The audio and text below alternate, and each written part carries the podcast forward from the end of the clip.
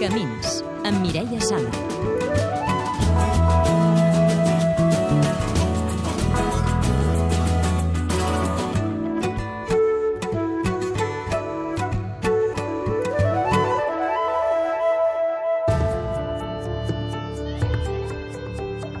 La jueza me obligó el mismo día del juicio a abandonar el domicilio.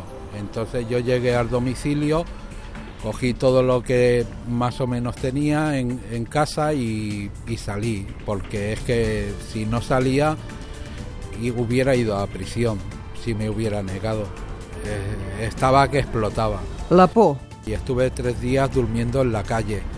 Eh, no dormía porque siempre tienes que estar vigilando dónde te metes, eh, quién puede haber. Era a las 3 de la mañana, oías pasos. La. Mm, No sé si fue el destino o la suerte. No lo sé, porque me encontré una moneda, esta moneda que tengo aquí colgada, y digo, mira, a lo mejor me trae suerte. Y sí que me la ha traído, porque tres días durmiendo nada más en la calle es todo, toda una hazaña.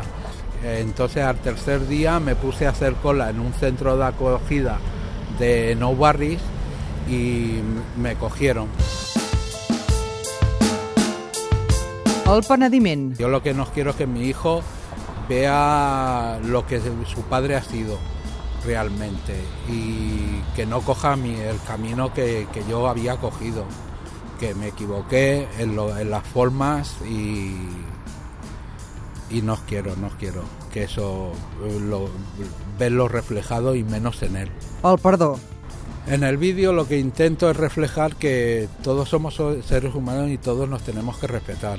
Yo en el vídeo lo que intento es pedir perdón, no solo a ella. El perdón que le he pedido a ella es porque si maltratas a una mujer es que las maltratas a todas. Todas se ven reflejadas de alguna manera.